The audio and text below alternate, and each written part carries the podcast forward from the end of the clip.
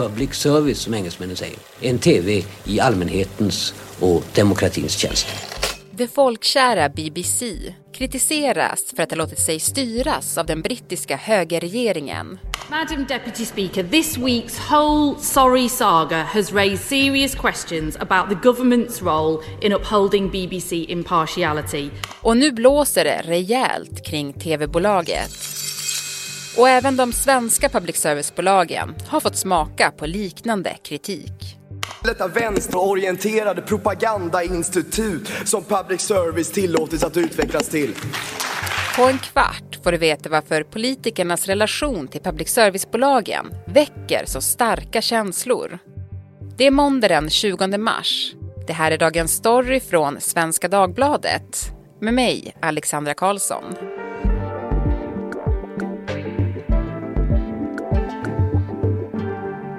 Charlotta Baxton, SVDs korrespondent i London. Hallå! Hej! Vilken plats har BBC i det brittiska folkets hjärta? Alltså BBC är ju enormt viktig för britterna. Det är ju en organisation som här sådär kärvänligt kallas auntie, mm -hmm. fastan eller mostern, en slags här lite sträng men prim och prydlig person som berättar för britterna hur det ligger till i världen. Och den är ju nog där uppe med kungahuset och, och hälsovårdssystemet NHS som en av de här riktigt viktiga sakerna för britterna och britternas identitet. Men du, nu stormar det rätt rejält kring eh, BBC, alltså det brittiska public service-bolaget, eller hur? Ja, alltså det har ju varit en ganska tuff och turbulent vecka för BBC. Men det här är ju egentligen problem som har funnits i över tio år och det känns på många sätt som att den här senaste veckans händelser på ett så här intressant sätt har sammanfattat all den kritik som har riktats mot BBC under de här senaste åren. Mm. Ja, men vad är det som har hänt nu då?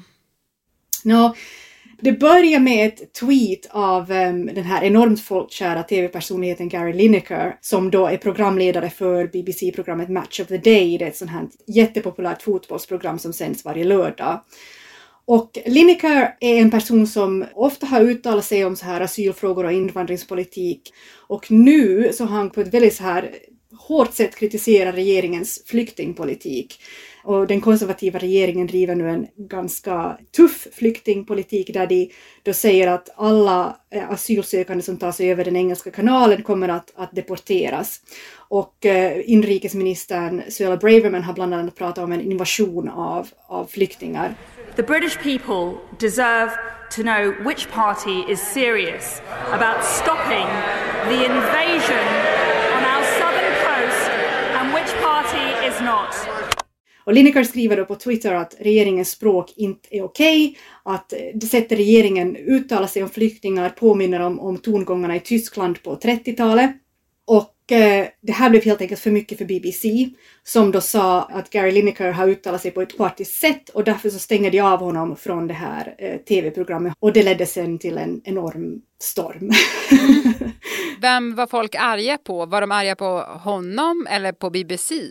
Eh, Mätningarna visar att majoriteten av britterna var arga på BBC. Över 50 procent så tyckte att det var fel beslut att, att avstänga Lineker. Det många är upprörda över är ju att, att BBC på sätt och vis har uppvisat en slags dubbelmoral här eftersom andra programledare också har uttalat sig i politiska frågor men däremot inte blivit avstängda. Och, och det folk då kritiserar är att, att Lineker kanske uttalar sig eh, liksom på vänsterkanten och uttalar sig på ett, sätt, på ett sätt som motsatte sig regeringens linje medan andra BBC-anställda som har gett sitt stöd till regeringen och uttalat sig politiskt på det sättet eller inte har blivit avstängda eller inte har fått liksom, kritik av sin, sin arbetsgivare. Men jag tänkte på en sak då. Lineker, han är ju en tidigare fotbollsspelare och nu då sportkommentator. Ska man ha lika strikta krav på honom som till exempel om det hade varit en politikreporter på BBC?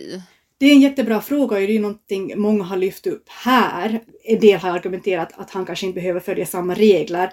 Speciellt inte eftersom andra tv-personligheter som Alan Sugar som bland annat är programledare för det brittiska The Apprentice på BBC på Twitter har kritiserat de här stora strejkerna som, som nu pågår i Storbritannien och också har uttryckt sitt stöd för regeringen. Och han får fortsätta jobba som förut för BBC utan att kritiseras av organisationens chefer. Hey, I'm Ryan Reynolds. At Mint Mobile, we like to do the opposite of what Big Wireless does. They charge you a lot we charge you a little. So naturally, when they announced they'd be raising their prices due to inflation, we decided to deflate our prices due to not hating you. That's right. We're cutting the price of Mint Unlimited from $30 a month to just $15 a month. Give it a try at mintmobile.com slash switch. $45 upfront for three months plus taxes and fees. Promote for new customers for limited time. Unlimited more than 40 gigabytes per month. Slows. Full terms at mintmobile.com. Men du, som jag förstår det är ju det här inte det enda som har retat upp folket den senaste veckan. Det har ju också kommit uppgifter om att BBC valt att inte sända en dokumentär av den väldigt kända profilen David Attenborough. Welcome to a place that is astonishing. David Attenborough är också en sån här enormt folkkär tv-personlighet här i, i Storbritannien och The Guardian avslöjade här om veckan att eh, BBC hade valt att inte sända det sista avsnittet i hans tv-serie om de brittiska öarna. Welcome to Wild Isles. Orsaken var den att det avsnittet handlar om miljöförstörelse och enligt The Guardian så var då BBC rädda för att eh, bli kritiserade av konservativa parlamentariker och de här inflytelserika höga medierna om, om de sände det avsnittet. Mm. Men vet man eh, om det stämmer då? Det vet man ju kanske inte egentligen. BBC har sagt att de aldrig tänkte sända det här avsnittet utan att det helt enkelt bara skulle få ligga på deras iPlayer, alltså att man kunde titta på det på nätet och det aldrig var planerat att gå in i det vanliga schema. Som jag har förstått det då så kommer ju mycket av kritiken inifrån BBC, alltså från personalen där som är missnöjda och, mot bolagets linje. Men det har ju även kommit kritik från politiker som har blivit upprörda av det här. What does she think it looks like to the outside world that a much loved sports presenter is taken off air for tweeting something the government doesn't like? It sounds more like Putin's Russia to me.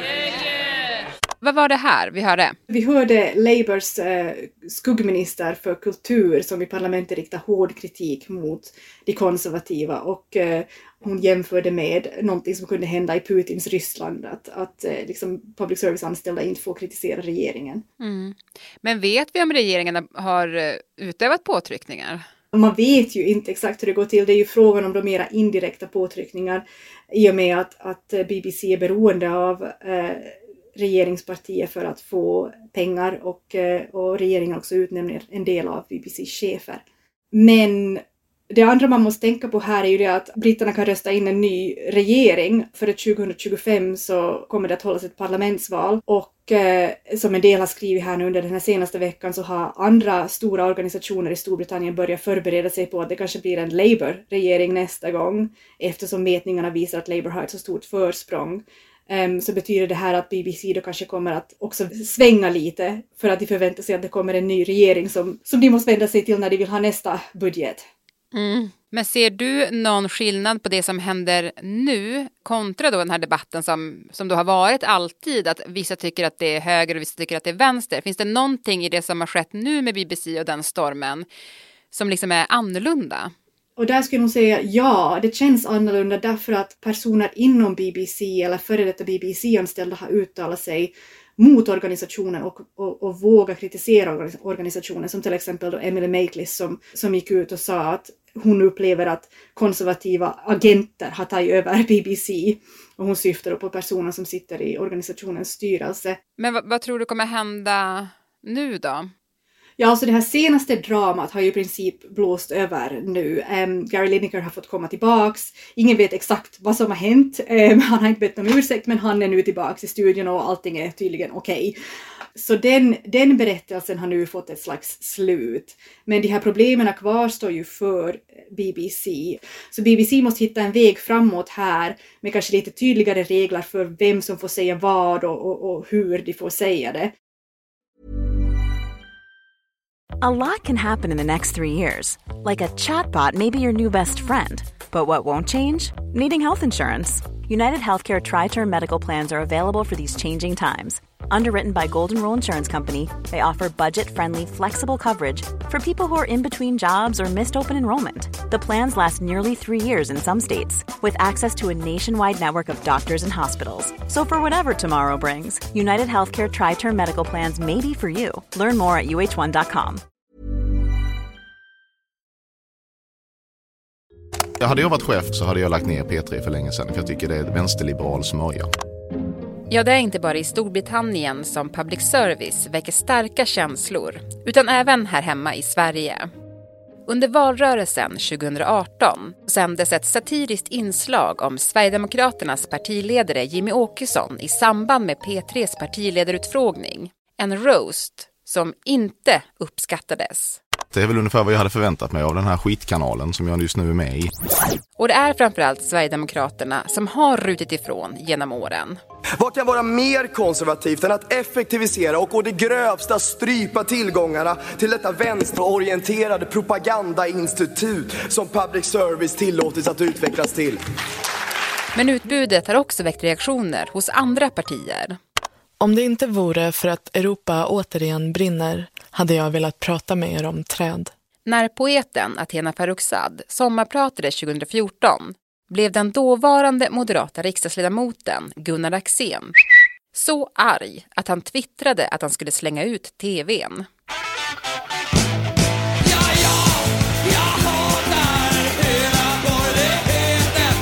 Det var bland annat att hon spelat Ebba Gröns låt Beväpna er som rörde upp känslorna.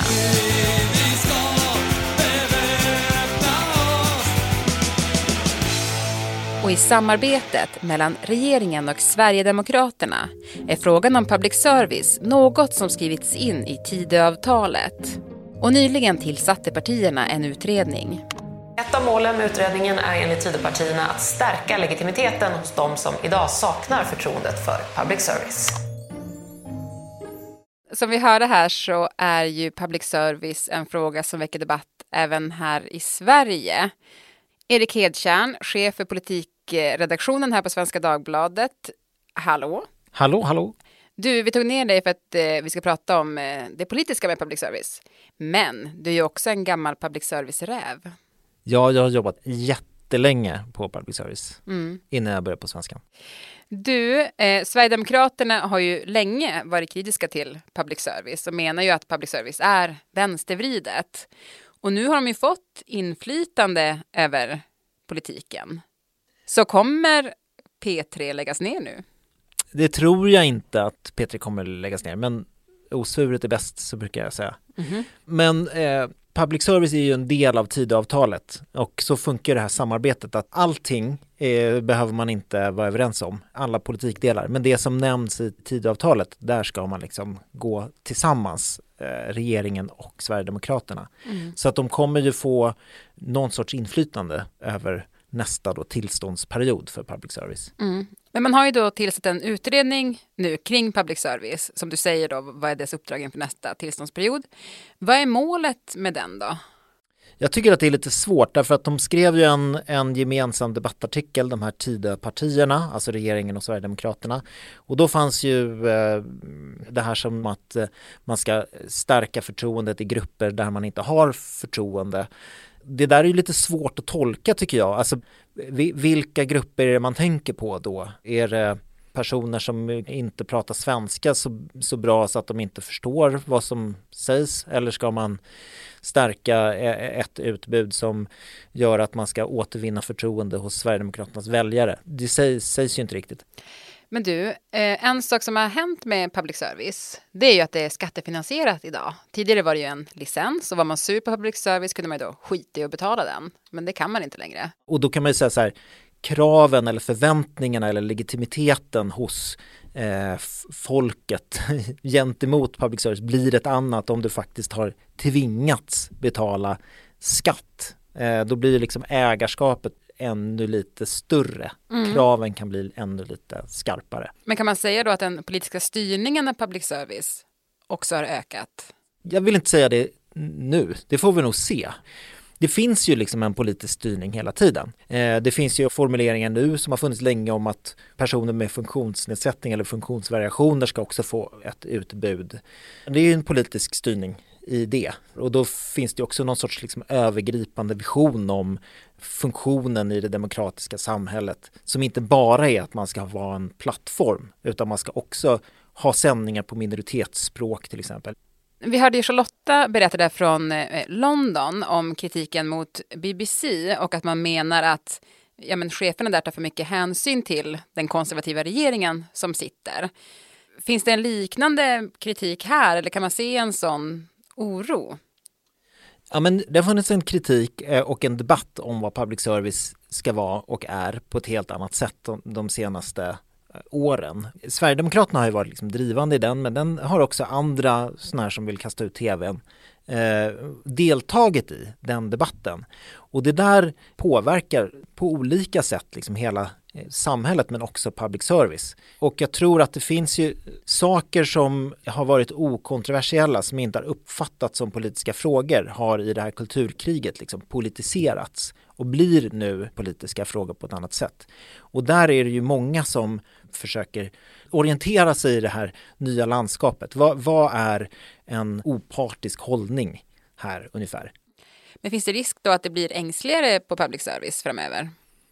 Det här oberoendet som fanns när det fanns en licensavgift, det ser ju lite annorlunda ut. Och där kan det nog finnas kanske en, en ängslighet att man kommer liksom närmare budgetavdelningen på finansdepartementet med en skatt och också att det finns mer så moralisk kraft i någon sorts krav eller ifrågasättande av public service. Eh, och sen så har ju public service liksom ifrågasatts väldigt mycket. Och det i sig kan ju göra att det skapas en ängslighet att eh, medarbetare blir oroliga. Vad kan jag säga? Kommer det bli ett drev? Kommer, det bli, kommer jag bli väldigt ifrågasatt nu? Mm. Så jag tror att det är många samverkande faktorer som kan skapa en större ängslighet. Mm. Tack Erik. Tack. Programmet idag producerades av Stina Fischer, redaktör var Erika Hallhagen och jag heter Alexandra Karlsson.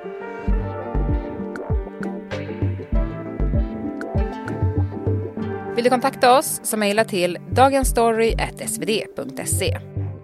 Och klippen i programmet kom från SVT, BBC, The Guardian, The Independent, Sveriges Radio och TV4. Och musiken var Ebba Gröns Beväpna er.